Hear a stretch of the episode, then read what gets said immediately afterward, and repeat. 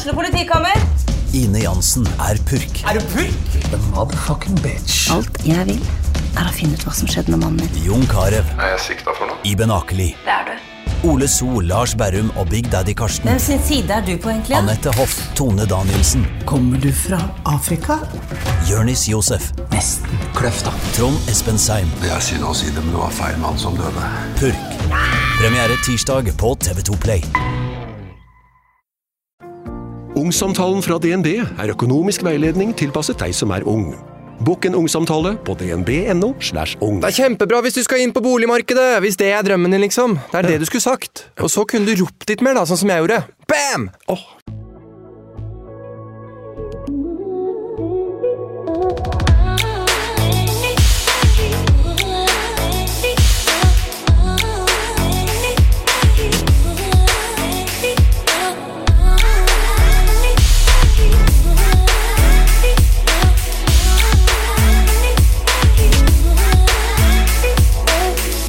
Jeg tror ikke at man noen gang kan bli klok på kjærligheten, jeg.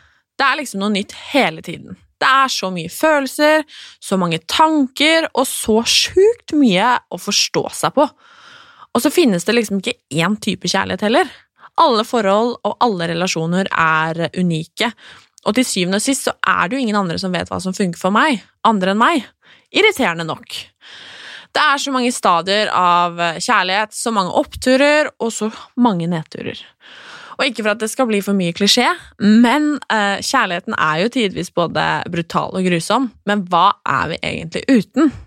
Om vi ikke elsker høyt og lavt, om vi ikke har noe som gjør at det river i hjertet, noe som gjør at vi kommer oss gjennom det aller meste.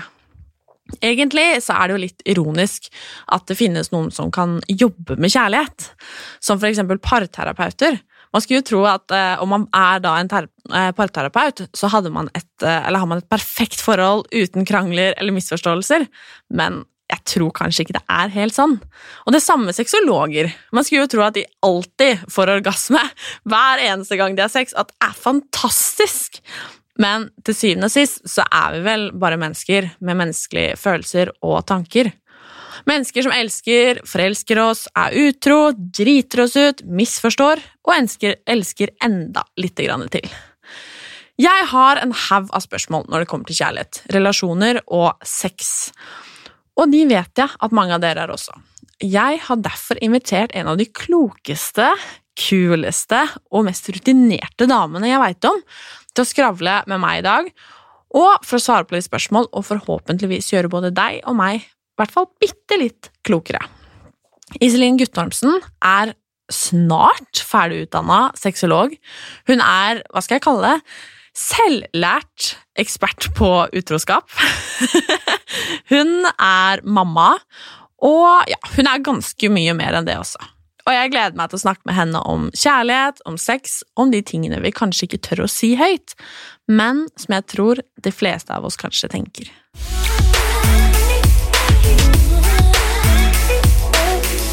Velkommen, Iselin! Å, tusen takk! Herregud, for en intro! Herregud, Vel fortjent. Herregud girl crush! du, Så hyggelig. Takk for at eh, du inviterte meg hit i dag. Veldig hyggelig. Jeg ble usikker. Er du gift, eller er det Vi er ikke gift ennå. Han har faen ikke fått ut fingeren. Nei. Så-. Skjerpings, Tom! Ja, skjerpings! Herregud, til sommeren har vi vært sammen i ti år. Ja, da er det på tide. Ja. Kanskje det skjer. Hvem vet? Hvem vet? Men eh, samboer, da, i hvert fall. Samboer, ja. Og eh, han er jo også pappa til kidsa. Mhm. Yes. Og eh, hva som jeg sa, selvlært ekspert på utroskap. Eller ufrivillig eh, selvlært. Nei, Ja. hva sier man? Ja. ja. Det, det har vi jo faktisk snakka om i en episode før. Ja, og jeg snakker om det hele tiden. Ja. Så det er er ikke nok med den utroskapen snart, Iselin. Nei, jeg tenker utroskap kan man aldri snakke nok om, for det skjer jo hele tiden. Og det virker jo ikke som om folk eh, lærer. Jeg syns det er så mye av det. Ja. Og det, det er jo ikke noen konsekvenser av det heller. ikke sant? Så når du ikke får kjenne på den eh, sure, bitre siden så, av et utroskap, så, så fortsetter man jo da. Så da tenker jeg at eh, ja. Og det Mhm. kommer til å fortsette, og da må man jo bare fortsette å prate om det, da. Ja, det er faktisk sant. Ja, for jeg syns liksom det er så mye av det. Jeg hører om folk i hytt og gevær, ja, som er utro, og som liksom tråkker over grensa, da. Eh, og så er det jo en gråsone for mange, da. Ja. Og jeg har jo eh, lurt på hva folk lurer på på, ja, på Instastory, og spurt om Altså, hva var det jeg spurte om? Om folk kan sende inn de spørsmålene de har om liksom sex, forhold og kjærlighet som de ikke egentlig tør å stille, men som de lurer på. Så fint. Eh, og det var ganske mange hundre spørsmål! eh, Ja. Så jeg tror kanskje det er fint det, at vi har en prat i dag om eh, Der du Jeg kaller deg eksperten, da. Ja. Nå måtte jeg nesten rape her òg. Sorry. på det ut. Ja. og der jeg er den uh, unge dumme som uh, fyller inn mm. der det måtte passe seg. Ung og dum er du ikke, men Nei. eh, ung er du. Ung ikke er dum. ja. Nei, det er sant. Men det er litt digg å kunne skylde på det av og til, at han er blond og ungdom. Ja, ja, ja. ja. Men uh, vi skal i hvert fall få svart så Ja. godt vi kan. Ja. Fordi du er snart ferdig utdanna sexolog. Snart ferdig utdannet sexolog. Jeg er ferdig i mars, eh, hvis alt går etter planen. Det må du bare gjøre. Eh, Jeg har fremleggelse av hovedoppgave, og så har jeg en muntlig eksamen og en skriftlig eksamen igjen. Kult. Mm. Så, men da, med andre ord, så har du litt peiling, da. I hvert fall sånn faglig.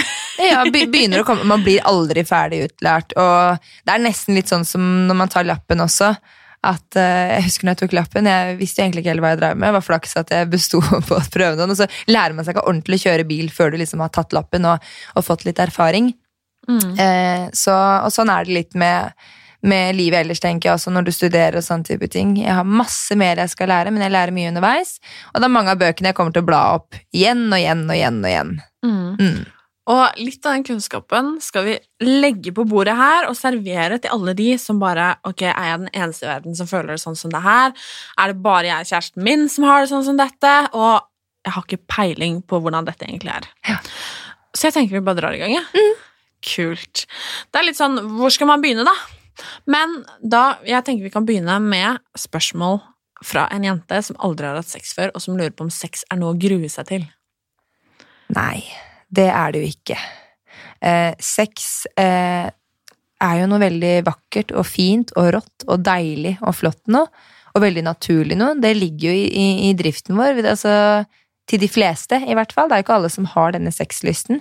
Det viktigste er at du gjør ting i ditt tempo, og ikke rusher inn i eh, og har sex bare fordi det kanskje forventes av samfunnet eller venninnegjengen eller kompisgjengen. Eh, det er ikke noe skam å vente lenger eller flere år enn resten av, vennegjengen, eksempel. Eh, og så er det viktig at man tenker på at man gjør det med noen man er eh, trygge med. Eh, og så er det jo det at man blir veldig påvirka av alt når det gjelder sex, det man ser på TV, på film, sosiale medier, porno osv. Så, videre. så første gangen den kan jo være ganske sånn annerledes enn hva man kanskje har forestilt seg. Eh, og nettopp derfor så tenker jeg at det er viktig da, at man er åpne sånn som vi er nå, og bare prater om hvordan f.eks. for eksempel den første gangen man har sex er, da. Husker du første gang du hadde sex? Oh yeah. Gjør du det? Ja, jeg gjør det. Var det bra, syns du, eller? Eh, nei. Nei? Ja, der og da trodde jeg det, tror jeg. Ja. Men eh, nei, det var jo klumsete, rart, eh, ikke spesielt eh, eh, bra eller givende eller noen ting, men ja, sex, da. Ja. Det var liksom den følelsen jeg satt igjen med, Ja. og den følelsen jeg sitter igjen med nå. Og jeg husker at jeg tenkte hæ, er dette det, liksom? Er dette her alle snakker om? Ja, ja, liksom? ja. Men uh, det har jeg lært å lære fortsatt at eh, nei. Det er ganske mye mer. Det er ganske mye mer. Og sex kan jo være så mangt. ikke sant? Hva er sex egentlig? Må det være penetrering inn i bildet? Altså, du kan jo ha sex uten penetrering også. Eh, så jeg tenker også at Um, veldig mange jeg prater med, og meg selv inkludert, når jeg husker tilbake på når jeg var ung, så var det jo ikke egen nytelse så veldig fokus. Hvis man skal ta utgangspunkt i at det er en jente, eller det var en jente som sendte inn et spørsmål her, eh, så glemmer man litt sin egen nytelse, for det er liksom ikke noe man ser så veldig mye av. Det er veldig fokus på mannen og guttens eh, nytelse, og man lærer veldig fort uh, hvor lett det er å få mannen til å få orgasme, da. Enten med runking eller suging altså, eller sex osv. Og, så og så er det veldig mye mer komplisert med kvinnen. Så jeg tenker at eh, vi jenter vi må bare være flinke til å bli kjent med vårt eget underliv. Og tørre å tilfredsstille oss selv, for jo mer vi selv vet av hva vi liker, og hva som er godt, jo lettere er det å ta med dette her inn i senga med en partner. Enig. Og da passer det bra å følge opp med, for jeg har fått et annet spørsmål også, om det er flere enn meg som bare klarer å komme alene. Får det ikke til, uansett hva, med typen. Mm. Og det tror jeg gjelder ganske mange. Det er ganske mange. Også, og da- blir jeg litt nysgjerrig på ok, hva er det som skjer da når du har sex med typen din. Eh, stimulerer du deg selv da også, og så kommer du ikke? Eller er det for at når man har sex alene, så, så stimulerer man jo klitoris, og man vet nøyaktig hva man liker, og hvor det er godt, og tempo og hele den biten der. Eh, og når man har sex med partner, så er det jo vesentlig da å vite om gjør du det samme da med partneren din, eller forventer man at eh, man skal få en orgasme eh, bare ved penetrering. Og da kan man jo si at det er kun mellom 18 til 20% av alle kvinner som får denne vaginale orgasmen som man snakker om, eh, og resten behøver da stimuli klitoris i tillegg.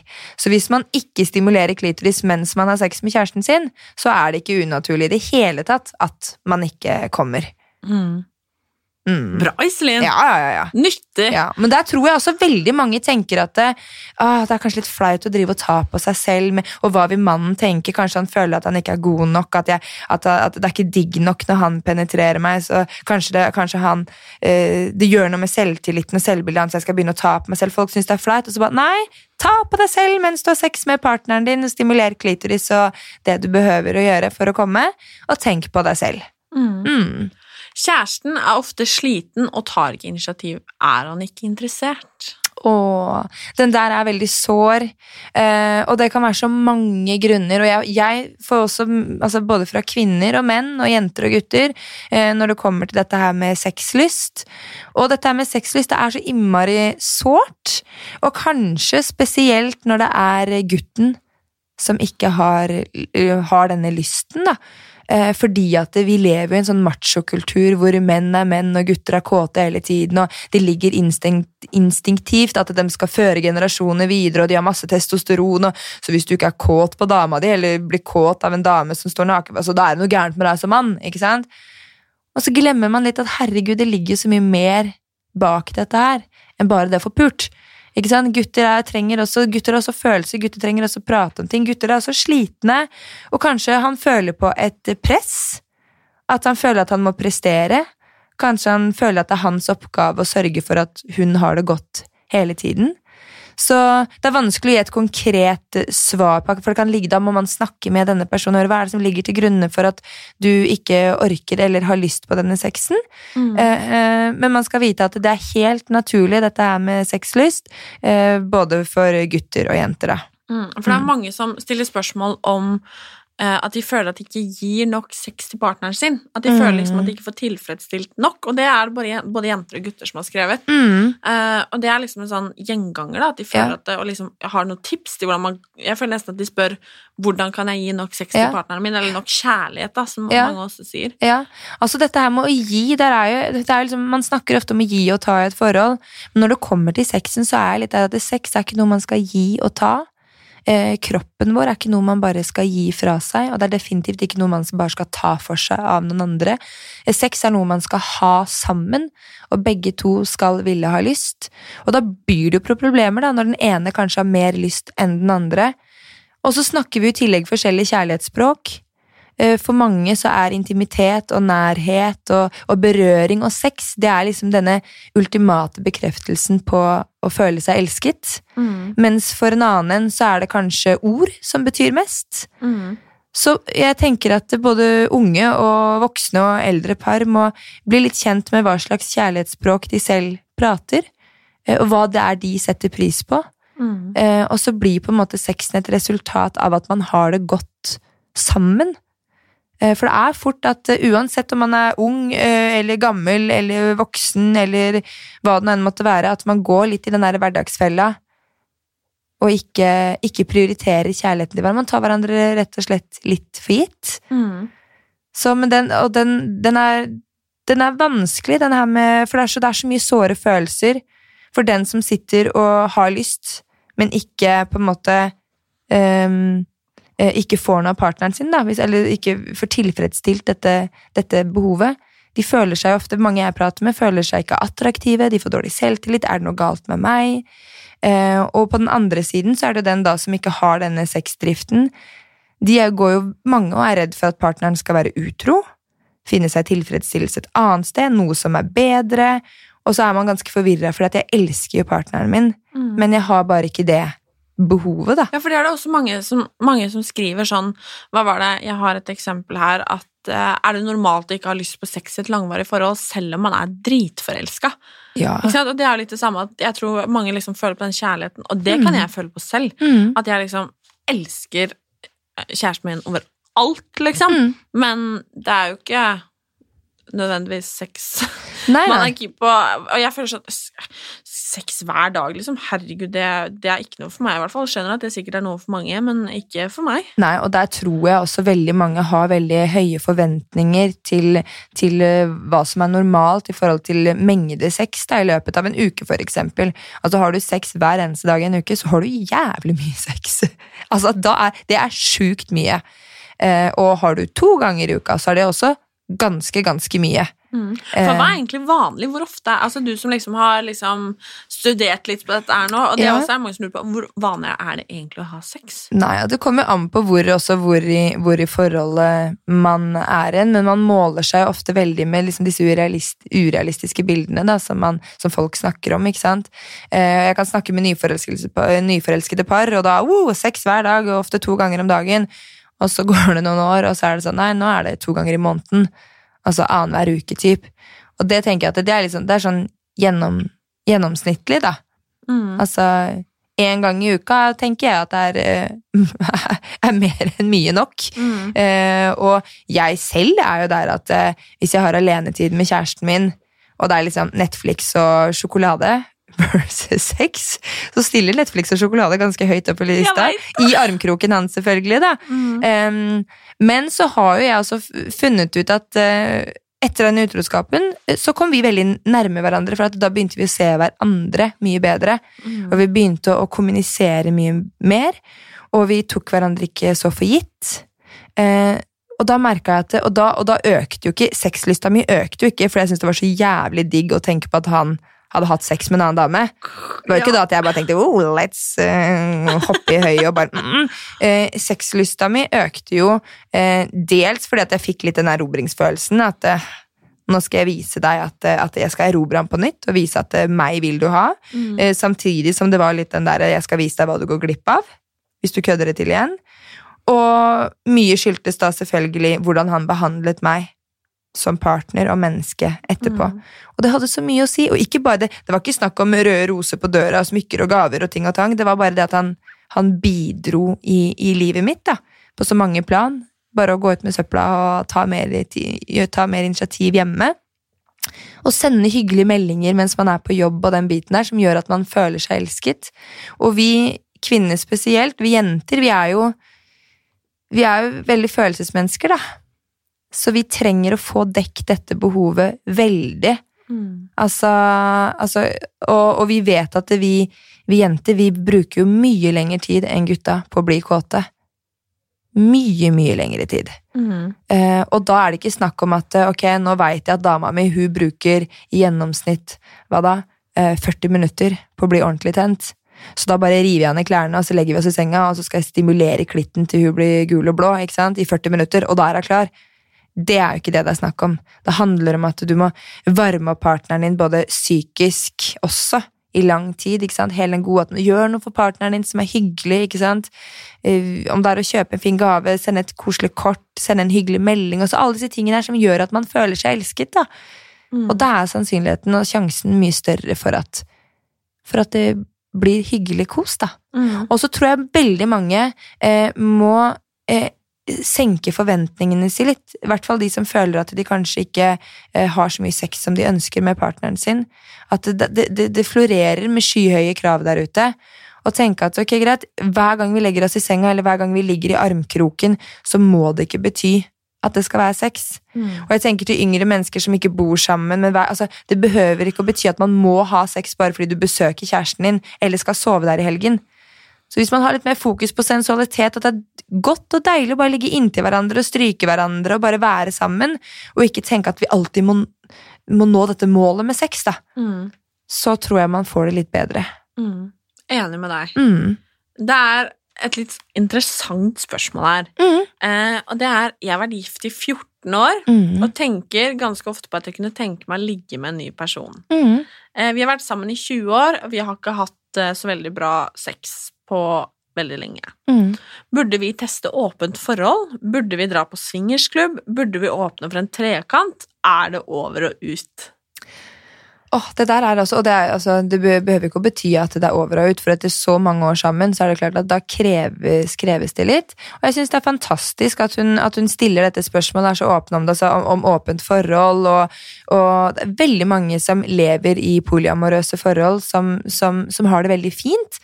Jeg har selv fått meldinger fra par som har levd slik lykkelig i tolv år. Men da må man ha veldig, altså da må du vite hva du går til, eh, fordi at eh, når du har gått dit, altså det, Sjansen er stor for at man kan bli såra hvis man ikke er 100% sikker, og det gjelder også swingersklubb. Eh, at eh, man må skille mellom fantasi og det virkelige liv. Eh, jeg kan jo selv si at jeg har fantasert ofte om, eh, om trekant, for eksempel. Eller det at Tom har vært utro. Det har liksom vært en fantasi jeg har hatt, som jeg syns har vært dritsexy. Men så har han jo vært det, og det har jo knust hjertet mitt i tusen knas, og jeg kunne aldri forestilt meg at det, skulle være greit igjen. Så jeg tenker, men det, det som er vanskelig med det, er at man vet jo ikke før man har prøvd. Uh, og det viktigste er at å ha en åpen dialog med partneren sin om det. For det betyr ikke at man ikke elsker partneren sin bare fordi man har lyst til å teste ut noe annet. Uh, og så er det å gjøre litt research rundt alt, da. Enten, nå, nå er det faktisk ikke noe Jeg tror ikke det er noen swingersklubber igjen i Norge, faktisk. Hæ, er det ikke det? Jeg tror det er veldig, i hvert fall som er synlige, da. Eh, I Danmark er det masse. Ja. Stikk en tur til Danmark, Stikk en tur til Danmark. Um, så det er veldig sånn tabu i Norge, dette med åpne forhold og, og polyamorøse forhold. Uh, og, og swingers og, og, og den biten der. Men jeg tenker at hvis man er nysgjerrig, så går det også an å besøke swingersklubber med partneren sin uten at det skal bety at man skal ha sex, men bare hvor du får en introduksjon. De har jo veldig ofte sånne um, gjestekvelder hvor de inviterer nye par eller nye mennesker, hvor de viser rommene og hvordan det foregår, og reglene, og at du kan være tilskuer uten å gjøre noe selv. Og da kan man jo få en liten sånn følelse på at er dette her noe for oss? Mm. eller ikke. Men kommunikasjon der par imellom, det er veldig veldig viktig. Og jeg syns det er kjempefint at hun, hun her eh, stiller dette spørsmålet, fremfor å bare ta saken i egne hender og kanskje og går og har sex med en annen, da, eller er utro. Mm. Så prat med partneren sin om det. Godt spørsmål. Kommunikasjon, Kommunikasjon. er jo egentlig nøkkelen til det meste, virker det som. Ja. Og det er vanskelig. Det er lettere sagt enn gjort. Mm. Mm. Jeg sliter med tanken om at kjæresten min onanerer når han kunne ha ligget med meg. Syns eh, Sorry, jeg vet da flere ganger at han har gjort det hjemme, og mens hun da har vært hjemme. Mm. Eh, og jeg syns det er kjipt at han gjør det i stedet for å inkludere meg. Mm. Og det skjønner jeg. Ja, jeg skjønner, jeg, det, det skjønner jeg kjempegodt, og det er veldig Det, det skjønner jeg at det er sårt. Eh, Jeg er jo her, så hvorfor kan du ikke ha ta så, Altså involvere meg i det? Um, og så tenker jeg at det, jeg vil jo bare si at det, å onanere er jo veldig veldig vanlig. Eh, gutter skal onanere, og jenter skal onanere, og vi skal nyte det alle sammen. Og onani for gutter eh, er jo forebyggende mot prostatakreft. Eh, så jeg tenker at eh, runke, det må man bare gjøre. Jeg skjønner følelsene hennes ekstremt godt. Av å, altså det er nesten litt sånn Er ikke jeg god nok for deg? Ja, for jeg får inntrykk av at det er det hun liksom tenker at mm. å ja, men du vil heller Mm. det enn å være med meg, da. Det jeg tenker er viktigst her da, det er at hun snakker med partneren sin. For her igjen kan det ligge masse underliggende årsaker til det. Kanskje han tenker at 'nei, men jeg føler meg ikke god nok for deg'. Jeg vet at hvis vi skal ha sex nå, så kommer det til å ta mye lengre tid. Og jeg Og, jeg, og da må jeg altså En, en kjapp runk er jo mye er veldig effektivt, da, og fort hvis du vil ha en kjapp løsning. Eh, og en altså, utløsning. um, eh, men jeg tenker at eh, jeg, jeg, jeg, jeg, jeg forstår dette, denne, denne følelsen av svik, og denne selvtilliten som får seg en knekk, og selvfølelsen. Så hadde jeg vært henne, så ville jeg tatt opp med, og med han. Eh, og da er det viktig at han også ikke avfeier henne som en sånn sjalu dame som 'herregud, jeg må da for faen få lov til å runke'. Ikke sant? At der må man snakke åpent og ærlig om ting, for det er noe som sårer henne, og da må han lytte til det. Mm. Det er en fyr som også stilte et spørsmål. Det, jeg vet ikke om han har stilt det fordi han typ har diskutert diskutert med sin kjæreste, Mm. eller om det er noe han liksom generelt lurer på, men han lurte på hva eh, ja, Spørsmålet er da hva tenker du om at kjæresten din ser på porno slash kommer av andre jenter? Mm. Ehm, og det eh, er jo ganske interessant, syns jeg. Mm. Jeg syns det er litt kult at det kommer fra en gutt. Ja. Han har sikkert tenkt på det selv. Mm. Altså, eh, porno. Vær så god, Iselin. Kjør på! Altså, dette er jo noe jeg har snakket veldig mye om på min egen Instagram-konto. Eh, og jeg har jo en, jeg har skrevet hovedoppgaven min som omhandler pornografiens påvirkningskraft. Og jeg har tatt for meg den negative, negative biten. Eh, men det er, viktig, eh, altså det er viktig for meg å få frem at porno det kan være fantastisk på veldig mange måter. Eh, det kan være befriende, det kan være både om du bruker det alene eller sammen med partner, og mange liker å se det sammen med partner også. Ehm, eh, men det er også veldig viktig å få frem at dersom man er sammen med en partner som ikke liker at du ser på porno, så syns jeg det er viktig at man lytter til partneren sin. For hvorfor er dette her et problem? Og er porno da så viktig at du er villig til å fortsette å såre partneren din, eh, så til tross for at du vet at det gjør henne eller han vondt? Og denne følelsen av at eh, partneren din skal komme og få orgasme noen, eh, ved synet av noen andre, den skjønner jeg at det er veldig vond. Um, og den sitter jeg på selv ofte også, i forhold til dette her med, at, med, selvtillit. For man vet jo veldig ofte at jeg ser, er jo ikke i nærheten av det man ser på den skjermen der, og sexen de utøver der, er jo ikke i nærheten av det vi gjør. Så man har helt klart lov til å bli sjalu eh, når partneren ser på porno, men her igjen så er det så viktig med kommunikasjon.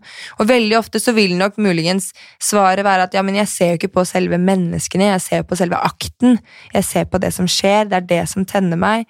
Ehm, men hvis det blir overflødig av det, da, at det tar litt overhånd, så er det jo klart at det da tar pornoen for mye plass. Um, så jeg tenker, igjen, det er denne kommunikasjonen, da. Eh, Men her tror jeg også at det, porno det er på en måte blitt en, sånn der, en sånn rett. Vi som samfunn har liksom laget det som en menneskerett, at det skal man få lov til. Så hvis du som person bare digger å se på porno og elsker å se på det, og noen sier at vet du hva, det der, jeg, jeg, jeg liker ikke at du gjør det, så blir du på en måte da, da Du får så mye kritikk for det, da. Enten om du er sykelig sjalu, eller altså, hva er problemet ditt? Alle ser på porno. Og så tenker jeg at vet du hva, der må vi snu om trenden litt, for det er helt lov å sitte på de følelsene, og de følelsene skal man ta seriøst, og den parten som ikke skjønner det, eller tar disse, som ikke skjønner er det mulig å bli sjalu på porno, de må på en måte begynne å revurdere og tenke lite grann, og respektere partneren de er sammen med. Og det handler ikke om at det, man skal si at du får ikke lov til å se på porno, jeg nekter deg det, men det handler om at når du gjør det, så sårer du meg. Og jeg føler meg ubrukelig, og når vi har sex, så påvirker det meg så mye, for jeg vet hva du ser på, hva du tenner på, og hva du kommer til, og jeg føler at jeg ikke er i nærheten av det. Og det må være lov å snakke om, og det må være lov å si, og det må være lov å føle. Og da, et spørsmål som da jeg føler i hvert fall selv er litt knytta til porno, da. Mm. Eh, Det er flere som har lurt på, og det er hvor vanlig er det egentlig å squirte? Altså, squirting, det er Jeg må bare si at squirting er jo helt naturlig. Det er ikke så veldig mange som opplever det. Eh, eller det er kanskje mange som opplever det, men det er ikke så mange som snakker om det. Eh, og squirting, det er jo da kvinnelig ejakulasjon. Eh, altså sprutorgasme. Eh, og squirting, det er altså et så omdiskutert tema blant forskere, for man vet ikke helt hva denne væsken består av. Eh, noen sier at det er urin, eh, men forskning viser at det, denne væsken og konsistensen og lukten og, og hva denne væsken inneholder, det er ikke urin. Det kan være partikler fra urin, men det er ikke ren urin som, som sprutes ut. Eh, og så er det noen som mener at det kommer direkte fra blæren, fordi man ser, man har sett det at det, før en orgasme hos kvinner så fylles blæren opp, og så ser man at da er det logisk at det er denne som tømmes under en sprutorgasme. Um, men så ser man også uh, Eller så er det mange som også mener at det ikke alltid er uh, uh, væske fra blæren. At det kan komme fra kjertler som munner ut da, i urinrøret. Så dette med squirting det er, fortsatt, det er så omdiskutert, og jeg kjenner at jeg må lære masse mer om det, men jeg tror at jo mer jeg leser om det, så kommer jeg nok ikke til å komme til noen 100% fasitsvar på hva det er, fordi de som studerer og forsker dette de er ikke helt enige selv. Eh, men det vi vet, er at det er ingenting å skamme seg over. Eh, og vi jenter, vi skal sprute med glede. Og mange får jo denne fornemmelsen av at de må tisse på seg. Eh, når G-punktet blant annet blir stimulert på den måten at man kjenner at nå, nå holder jeg på å tisse på meg.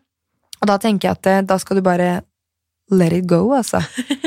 Og ja, man Ut kan, med det! Ut med det. Du kan risikere at det blir tiss, men da vet du, da, da, da ble det det den gangen der. Men det er jo nettopp veldig derfor åh, Det er nettopp derfor veldig mange kanskje holder igjen da, på en sprutorgasme, fordi de er redd for å tisse på seg. Og da tenker jeg at da kan vi lære litt av gutta. Gutta spruter sæden sin som, den, som stolte haner overalt. Se på hva jeg har produsert! Alle skal få! ikke sant? Sprut på pupper, rumpe, ansikt, hals. Helst alle sammen skal vite. I håret, øyet, hvor som helst. Og da kan vi jenter også lære litt av det. vet du hva? Dette her er helt naturlig. Og denne væsken er ikke ekkel i det hele tatt. Så konklusjon, det er helt greit å squirte, og det er helt greit om man ikke squirter. Ja. Ja. Syns seriøst alle jenter at sex er digg? Liksom pule, utelukk alt annet. Nei, det tror jeg ikke. Tror ikke alle jenter altså Det er jo det porno fremstiller, da. Alle jenter elsker å få pikk i kjeften og rumpa og, og vagina og, og den biten der. Men det ligger så mye mer eh, nærhet, sensualitet og følelser i sex. Så denne sexen man ofte ser på porno, som bare er pikk inn og ut, kjapp, kjapp, kjapp, kjapp, kjapp, kjapp, kjapp, kjapp, det gir for mange veldig veldig lite. Det er godt med et realt knull innimellom. Det må være lov å si. ikke sant? Eller en kjapp en, eller en litt sånn røff, deilig sex også. Eh, men den der nærheten og kjærligheten man har når man har ordentlig god sex med en partner man stoler på, det er det ingen som kan slå. Eh, så Og den tror jeg veldig mange bruker lang tid på å finne ut av, nettopp fordi man veldig ofte, veldig mange jenter gjør jo det eh, man tror at partneren eller gutt man har sex med, ønsker. Eh, og man glemmer å tenke på egen nytelse og har kun fokus på å enten se bra ut eller være deilig eller gjøre ting riktig for at han skal nyte. Og da blir jo ikke sexen digg, da. Nei. Og i hvert fall ikke hvis man skal tenke, hvis man blir en posør i tillegg og skal tenke hvordan man ser ut i senga. Da er det Altså, man vet jo at eh, Sånn som doggystyle, for eksempel. Da. Det er jo veldig flott å se på sikkert for gutta, ikke sant? med struttende rumpe og svai i ryggen og wow, ikke sant? Men altså, hvis du virkelig skal treffe de gode punktene og være i nærheten av å treffe et G-punkt i doggystyle, så må du stå som en katt som skyter rygg, ikke sant? Og det er derfor misjonærstillingen er veldig deilig. Eller kan være veldig god for mange, for da ligger man litt mer sånn krumma med ryggen, og du får mer kontakt med bekken, og det er mye mer altså, Så da tenker jeg at det, hvis du Man må stole på seg selv og ha sex i de stillingene man kjenner at er deiligst, og ikke bare tenker på guttas nytelse hele tiden. Så nei, det er ikke alle som syns at uh, utelukkende puling er digg. Og, med, og når vi vet da at det kun er mellom 18-20% av alle kvinner som får vaginal orgasme, så er det ganske, så er det ganske få. Eh, så uh, ja. Sant. Mm. Dette er et sånn kjærlighetsspørsmål, da. Eh, kjæresten min har bedt om pause, og jeg sliter med å akseptere det.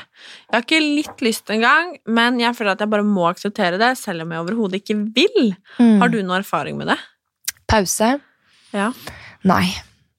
Og her går det jo, går det litt over sånn parterapi, og det er jo ikke mm, min sterkeste side, men eh, det man kan gjøre, selv om man ikke studerer det, eller sånt, det er jo bare å være åpne om hva man tenker rundt ting og tang, og det kan Mm. hjelpe mange.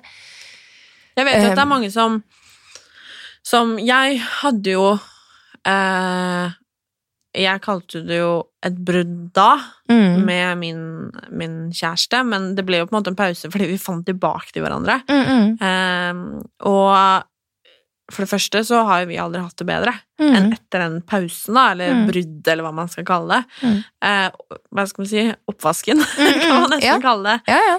Eh, men, og jeg tror at årsaken til at man skal ha en pause, har er liksom veldig eh, viktig, da. Mm. Er det fordi at man er lei av hverandre og man har lyst til å være med noen andre? Er det fordi at man føler at man må liksom finne litt tilbake til hvem man liksom er, og alt. Altså, jeg tenker på en måte at ja, men hva er årsaken, da? Ikke sant? Hvis grunnen er at nei, jeg har lyst til å gå og ligge med noen andre, Mm. så tenker jeg at ja, men da er det litt andre ting man burde prate om, kanskje.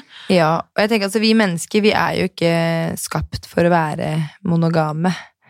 Vi, vi er liksom ikke skapt for den ene alene resten av livet, og, men allikevel så er vi sosiale vesener, og vi har empati og evnen til å ha medfølelse, så vi, vi ønsker ofte å leve i monogame forhold, men det krever jobb, det krever masse, masse jobb. Så hvis man er i et forhold man tenker at ah, her trenger jeg en pause, rett og slett, så er det veldig viktig, tenker jeg, da, å bli enige om hva, denne, hva definerer denne pausen. Hva, hva vil det si? Betyr det nå at vi har en pause, at vi bare liksom ikke skal ha noe kontakt, at vi ikke skal se hverandre på, på noen uker, liksom? Bare sånn for at øh, man har mye, jeg har mye å gjøre, jeg trenger bare litt sånn finne, Kanskje man skal finne ut om at det er, skal vi fortsette sammen? Det er mange som gjør det. Nå har vi en pause, og så snakkes vi om eh, to-tre uker. Mm. Og så ser vi om vi har kjent på dette med å savne hverandre og den biten der. Men så er det også viktig da å som sagt, definere denne pausen. da. Hva er lov da i, den, i, i pausetida, liksom? Er det, er, det, er det greit at man kysser med andre, eller er vi fortsatt uh, trofaste? Men vi bare, altså Så jeg skjønner at det er vanskelig for henne hvis hun absolutt ikke vil ha denne pausen. Ha, det er et veldig slag i ansiktet. Det er eh, å elske noen som ikke elsker en tilbake, på en måte. Litt den følelsen der, og det skjønner jeg. Eh, men det viktigste med henne er jo bare å vite hva, hva er det som hva, hva betyr dette her? For hadde jeg vært sammen med en kar, og han hadde sagt at han skulle hatt en pause, så hadde jeg sagt sånn, ja, men da vil jeg vite hva du mener med den pausen, for jeg gidder jo for faen ikke å sitte hjemme og vente og tvinne tommeltotter mens du er ute og, og ser om gresset er grønnere på andre siden. Mm. Det gidder jeg ikke. Enig. Så da tenker jeg bare være veldig klar og tydelig på hva denne pausen skal innebære, da. Mm. Og jeg tror sånn at det er viktig å på en måte, For jeg tror ganske mange kanskje tenker at ok, jeg skal la ham få den pausen, jeg skal sitte hjemme og vente, jeg skal bare holde pusten og holde ut, liksom. Mm, mm. Men det er jo ikke sånn det skal være, Nei. tenker jeg, da. Det skal, man skal, der skal man ta og gi, Ja. ikke sant? Ja. Og da blir, for da blir det jo ikke noe balanse hvis den ene skal få lov til å styre at hei, nå er jeg litt lei, så nå trenger jeg en pause. Mm. Eh, altså, ja, men hva betyr det? Nei, jeg, jeg veit ikke. Ikke sant, jeg vet ikke. Og da er det litt den derre For veldig mange tenker jo den derre tanken at eh, ja, ja, men hvis jeg kliner med Kliner med en mens jeg er i pause, er ikke det så farlig. Jeg, det, er jo andre, det er jo kjæresten min jeg elsker.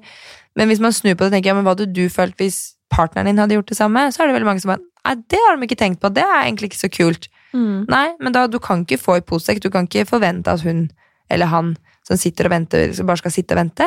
Da må det være fair and square. Og da risikerer man jo selvfølgelig også at den andre parten kanskje tenker at nei, vet du hva, det var kanskje, kanskje greit med denne pausen. Mm.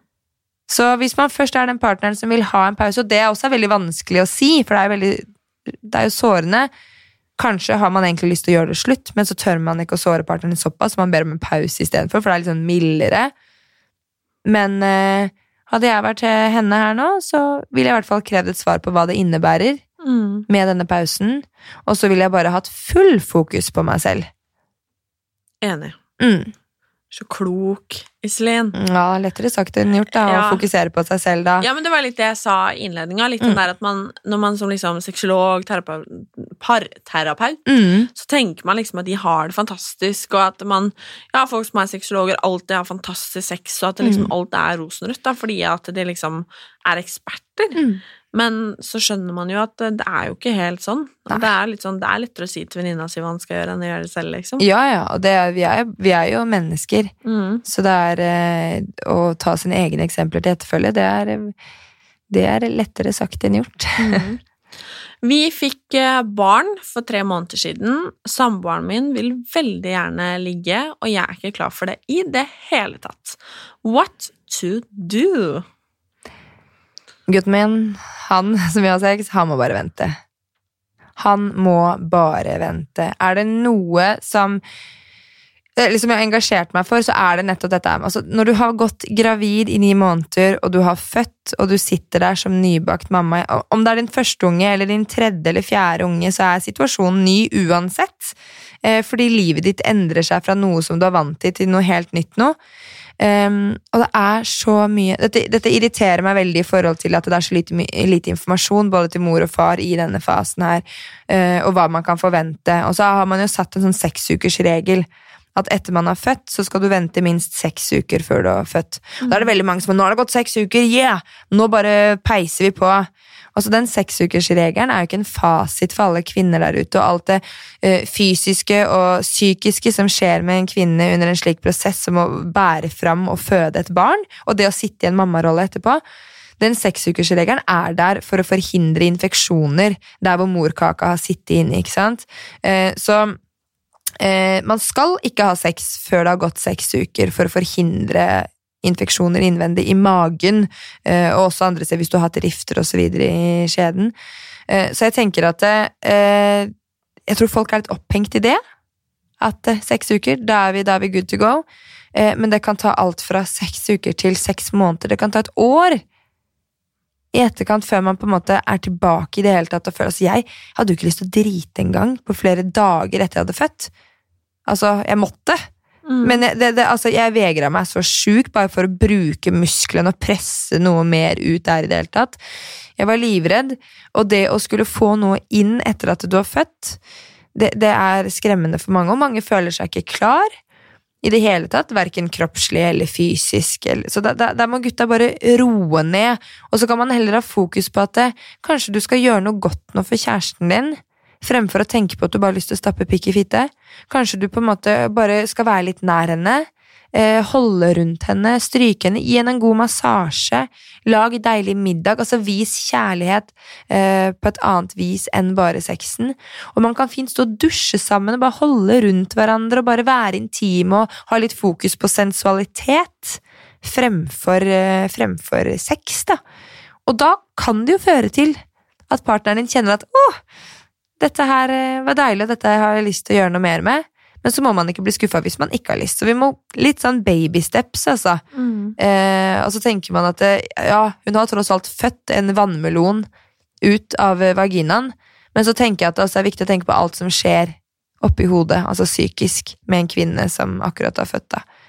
Så der må mannfolka føle de må ha mer patient, og jeg skjønner man har lyst på partneren sin, jeg skjønner det veldig godt, men vis respekt og forståelse og kjærlighet. Jeg føler akkurat det der, det er det litt sånn lite info. I hvert fall jeg som verken har vært gravid eller eh, Ja, da har jeg selvfølgelig ikke barn heller. Mm. Ja, kunne jo vært kunne ha det. ja, jo, det er sant, men, men altså det derre Ja, det er jo sant, men jeg Mm. tenker, da hadde jeg jo kunnet ligge. Ja, ja, ja, ja, ja. Men det kunne jo vært mange Ja, psykiske sant. forandringer for Det det. er helt sant. Men jeg tenker sånn, fordi jeg, jeg har ikke peiling Hvor lenge før kan man Eller hvor, altså hvor kort eller tett inntil fødselen kan man ligge? Altså? Hvor lenge etterpå? Det er sånne ting man ikke vet hvis ikke man på en måte har Googler det. vært der sjøl. Ja, veldig mange googler det jo, ikke sant, og spør legene sine jordmor og sånn når du er i den situasjonen, men altså, sex er trygt. Altså, eh, sex er trygt så lenge begge parter nyter det. eh, når du er gravid, og eh, når det nærmer seg termin og det fortsatt er stille, så er det veldig mange som har sex for å få i gang, få i gang fødselen og se om det skjer noe da. Eh, og en penis kan aldri bli så lang at den kan skade et foster. Altså, For det tror jeg mange tror Nei, da må er gutta sånn roe seg. Ja, liksom. da må gutta roe seg. Du klarer ikke å poke barnet ditt i panna med tissen din. Det går ikke. Det klarer du ikke. Så lang har du ikke. Og, hun, og fosteret ligger godt beskytta inni livmoren med, med, med vann og posesekker rundt seg, så det, så de, det, det kan, med fostersekker rundt seg, så det er ikke noe eh, Det er trygt og godt å ha sex, men det er viktig å ha sex i stillinger som er behagelig for den gravide. Eh, og eh, doggystyle kan ofte kanskje føres, for da kan man jo komme ganske langt inn i kvinnen. Det kan kanskje føles ubehagelig når man er langt på vei. Eh, og, og misjonæren er veldig upraktisk når du har en stor mage, og man skal heller ikke ligge så mye på ryggen når man er gravid. Du skal heller ikke ligge på ryggen og sove når du er gravid, fordi at eh, hovedpulsåren som går bak, kan komme i klem, ikke sant? Da Det er sånne ting jeg ikke har litt peiling på engang. mm, mm. Så da, da skal man sove på siden. Og da, sex på siden kan også være en fin, en fin ting. Og så er det jo ingen hemmelighet at veldig ofte så er jo gravide kvinner er proppfulle av hormoner, så økt sexlyst kan definitivt forekomme. Mm. Så da tenker jeg at Men eh, nei, gutta, de må, de må vente litt. Ha Mhm. tålmodighet. Jeg har skikkelig dårlig magefølelse på at kjæresten min gjør noe jeg syns er ugreit, og, at han kommuniserer med en annen dame. Hva gjør jeg? Å, denne magefølelsen. Den er altså Dette her går jo også litt mer inn på denne parte, altså parterapi og biten her, så det er liksom utenfor min Uh, mitt fagfelt. Uh, men jeg kan jo Altså, min personlige mening, uten å kaste stein i glasshus, eh, er jo at magefølelsen hos meg har i hvert fall alltid stemt. Det er den derre det er en intuisjon som bare jeg, bare jeg vet ikke hvordan jeg kan forklare det, men den har i hvert fall alltid stemt når jeg har sjekket ut ting som jeg har følt. Fordi det var jo magefølelsen din som gjorde at du fant ut at Ja. eh, din uh, samboer var utro. Ja. Det var ingenting annet. Det var rett og slett en magefølelse på at, eh, at ja, faen, det er et eller annet som ikke stemmer her. Så gikk jeg inn og sjekka det. Um, så jeg tenker at, Og der igjen så er det jo kommunikasjon, men jeg prata jo med samboeren min også og sa at eh, kan jeg sjekke telefonen din? Ja, ja, ja. Bare sjekk.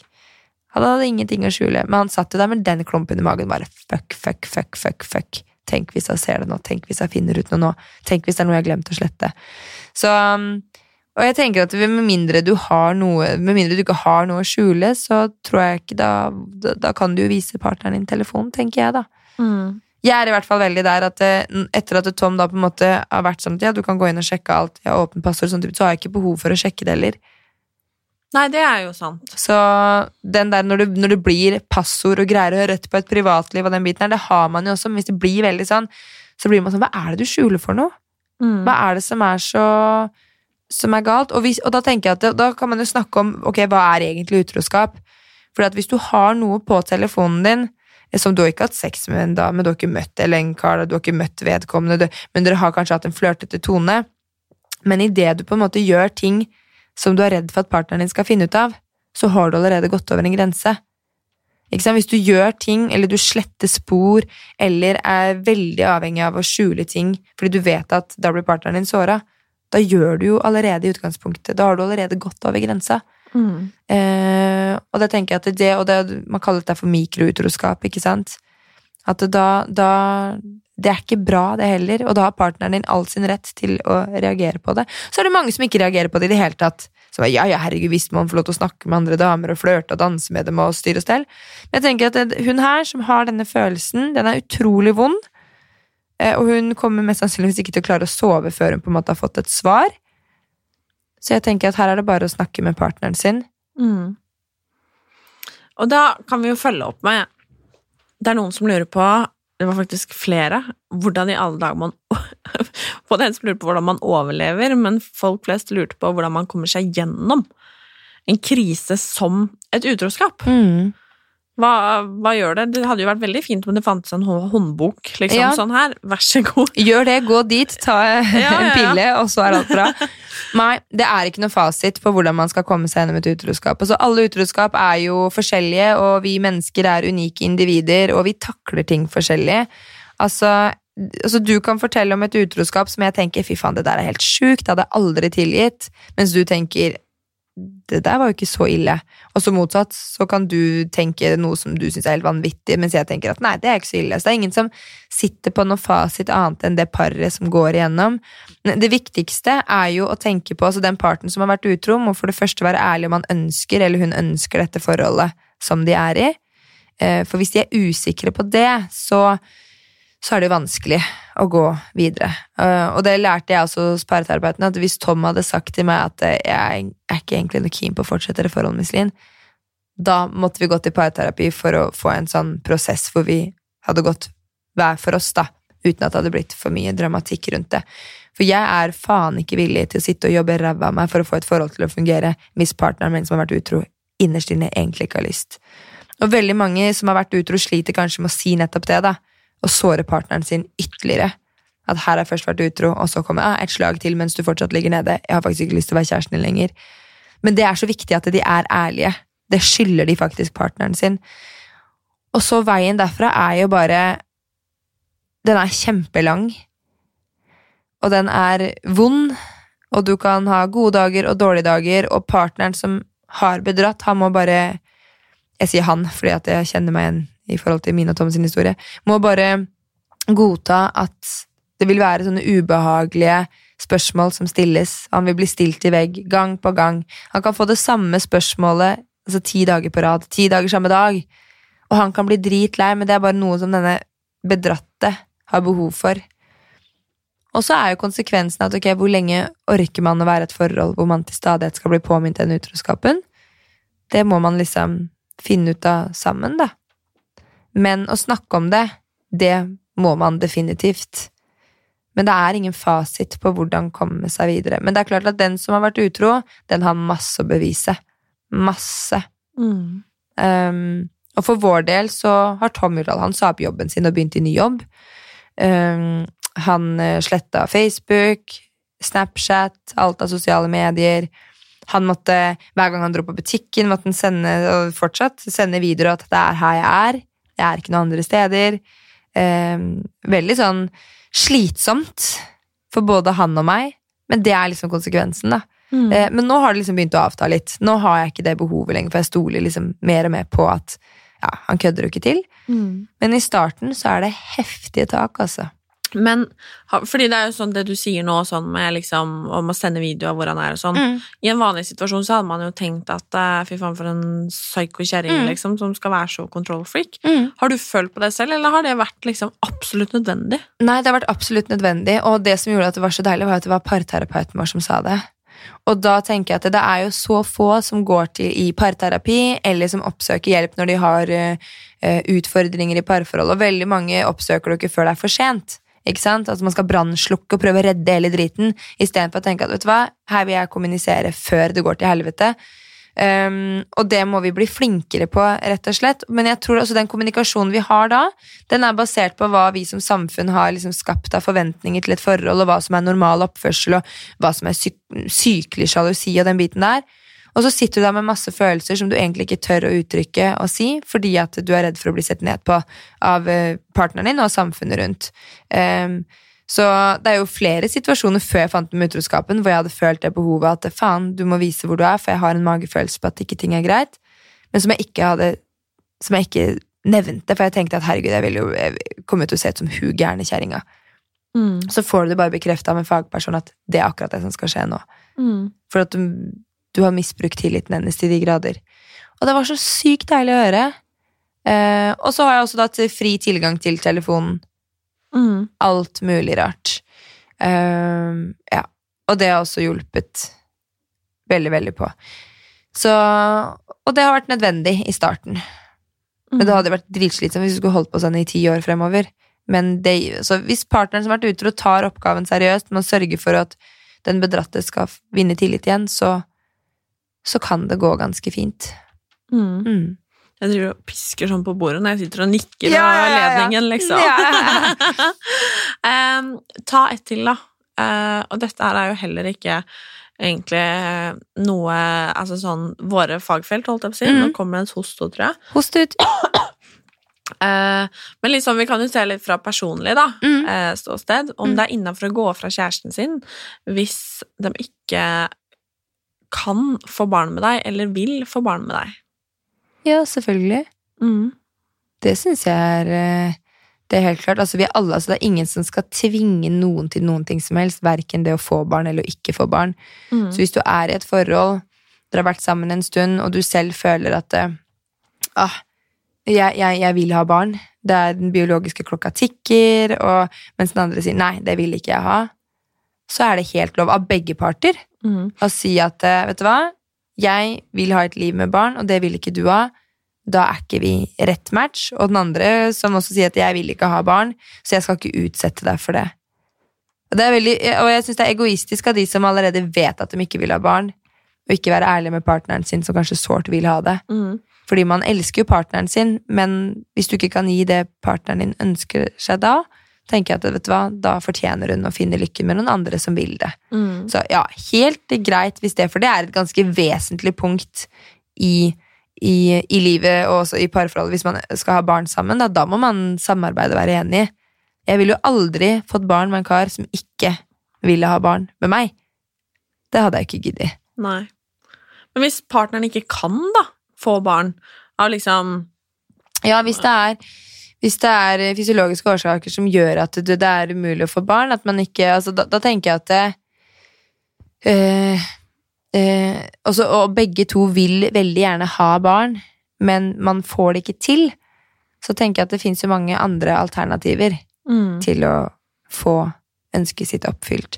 Så det er litt sånn, skal jeg være forsiktig med å si da til nei, og da, da drar man fra hverandre, for det vet man jo ikke hva som er årsaken til hvorfor man Altså hvis jeg tenker sånn, hvis man begges ønske er å få barn, Mm. så uh, fins det, som du sier, mange andre løsninger, Ja. liksom. Det fins mange fertilitetsklinikker, og det fins eh, adopsjon, adopsjon tar jo lang tid, det er en lang prosess. Eh, men jeg tenker at det fins andre måter å få det til å fungere på, og, og da er kjærligheten sterkere, tenker jeg da. Mm. Og tenk så leit da, hvis du går fra partneren din på grunn av det, og så Mhm. får du fortsatt ikke barn med neste partner. Ja, det er sant. på. Så jeg tenker at det er i hvert fall viktig å finne ut hva som er årsaken til eh, hvorfor man ikke kan få barn, og heller kanskje komme gjennom den krisa sammen. Mm. Eh, Og hvis man ønsker å fortsette, og det er et faktum at man ikke får barn, så må, er det flott å stå i det, i den sorgen sammen, da, og finne ut at livet blir fint for det om. Mm. Og så lurer jeg, før vi skal runde av, eh, hva, altså, hva er ditt sånn personlig beste tips for å liksom holde i gang kjærligheten? Hvis du skjønner hva jeg mener? Den der forelskelsen, altså forholdet, altså du skjønner hva jeg mener? Hva, har- eller har du liksom en sånn, noe du prøver på da, for å holde liksom livet ditt forhold? Ja, jeg prøver jo, altså i, i disse utroskapstider så har liksom dette her med på en måte å ha såpass kontroll på partneren sin og, og, og, og gi han begrensninger, det kan jo være veldig drepende, altså kvele et forhold. Så det å på en måte la partneren sin få frihet, tror jeg er viktig. At man, det skal være lov å gå ut med gutta og kose seg, og jentene skal få lov til å kose seg med oss jentene, og um, uh, at ikke alt bør være sammen hele tiden. Man må få lov til å kjenne på å være seg selv, bare. Eh, og det liker jeg veldig godt, i hvert fall. Elsker å være ute med venninner og kose meg, og den biten der. Eh, og så tenker jeg at det, det er viktig å gjøre ting sammen, spesielt hvis man har vært sammen lenge og man er i den hverdagstralten. Og så gjøre ting som man kanskje hadde gjort for hverandre hvis man var nyforelska, da. Og hvis man tenkte at skal vi gå ut og spise og tenke at ah, dette er første daten vår, gjøre litt sånne ting. Altså, jeg vet jo selv, jeg og Tom vi har ikke vært ute og spist på evigheter, og det er jo så hyggelig. For man er i den der jævla hverdagsbobla hele tiden. Så det å unne seg, og det å pynte seg litt for hverandre, og gå ut og kjenne litt på den der, hvordan det hadde vært hvis man hadde data hverandre på nytt, da. Og så tror jeg også, hvis man bor fra hverandre, altså bor på hvert sitt sted, at det er deilig å på en måte Å på en måte ha litt avstand noen ganger. Og kjenne på dette med å savne hverandre skikkelig. For det er jo, da kjenner jeg at jeg blir veldig forelska når jeg savner partneren min. ja, det beste når. Chris har vært borte. Ja, Og uh, han er jo ganske mye borte pga. jobben sin. Ja. Og når han da kommer hjem, åh, ja, er så deilig! det er kjempedeilig. Så jeg tenker at eh, Og så tenker jeg også fint å, Det er jo veldig fint å gjøre ting i lag òg. Men det der hvor jeg og Tom har vært dårlige, så har det vært sånn hver gang vi skal gjøre ting i lag, så krever det barnevakt, og da har det alltid vært fest inne i bildet. Så tenker jeg, hvorfor gjør vi kun ting i lag og skaffer oss barnevakt når vi skal på fest? Hvorfor er vi ikke flinkere å gjøre det? og tenke at vet du hva, Vi får barnevakt, så tar vi en jog joggetur sammen. Eller så går vi en tur sammen. Eller bare ut og spise kino, hva som helst. Litt mer. Så jeg tenker at, eh, ja, Mm. se hverandre litt mer i hverdagen. Godt tips. Mm. Yes. Og så syns jeg at det er veldig fint at eh, vi kan prate om det her. Mm. Sånn som jeg sa litt i starten, at man kan stille de der spørsmålene om sex som man lurer på. Altså hvordan liksom Altså, gir jeg ikke nok? Eh, Burde jeg forvente mer? Ikke sant? Alle Mm. disse spørsmålene her, og det syns jeg er veldig bra, fordi at man føler seg ofte ganske lost eller aleine, og det er jo mye meninger og Veldig, og jeg tenker det at det, det, det sier jeg også på, på Instagrammen min og i min egen at, um, som heter G-punktet. Bare sånn det har sagt. Liten reklame på meg sjøl der. Eh, men, men eh, at jeg sitter definitivt ikke på svarene. alt. Det, gjør ikke parterapeuter og psykologer og sexologer altså verden over heller. Eh, og for min egen del så har jeg masse å lære ennå, blant annet om squirting. Det må jeg gå hjem og lese litt mer på, kjenner jeg. Eh, eh, Men det jeg kan bidra med, da, det er denne åpenheten, og det å snakke åpent og ærlig om noe. Og det kan hjelpe mange, og da trenger du ikke å kunne all verden, men det er bare å skape et rom hvor det er lov å mene noe annet, kanskje. Og vise at det er greit å føle slik og kjenne på disse følelsene. Eh, og snakke åpent om ting. Det, tror jeg kan hjelpe mange. Og da når man er åpen om ting, så vil man både høre folk som mener det ene, og noen som mener det andre. Mm. Men da på en måte blir begge sider representert, og det tenker jeg at er viktig. Mm. Og så tenker jeg jo litt sånn til syvende og sist at man vet Altså, man må følge hjertet sitt litt, og så må man Mm. følge magefølelsen, liksom. For man vet hva man vil, man vet hva man ønsker, Ja. og jeg tror man skal stole aller, aller mest på det. Ja, det, altså, det må jeg bare helt ærlig si. Magefølelsen, den skal man ikke undervurdere. Mm.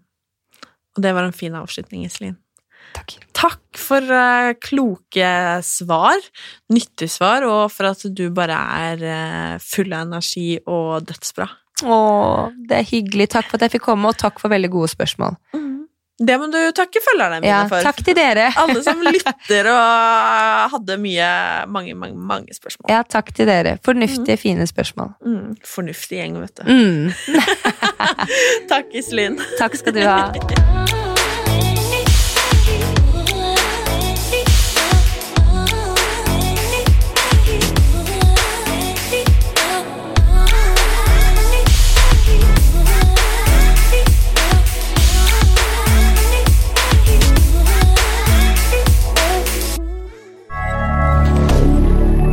sosiale medier.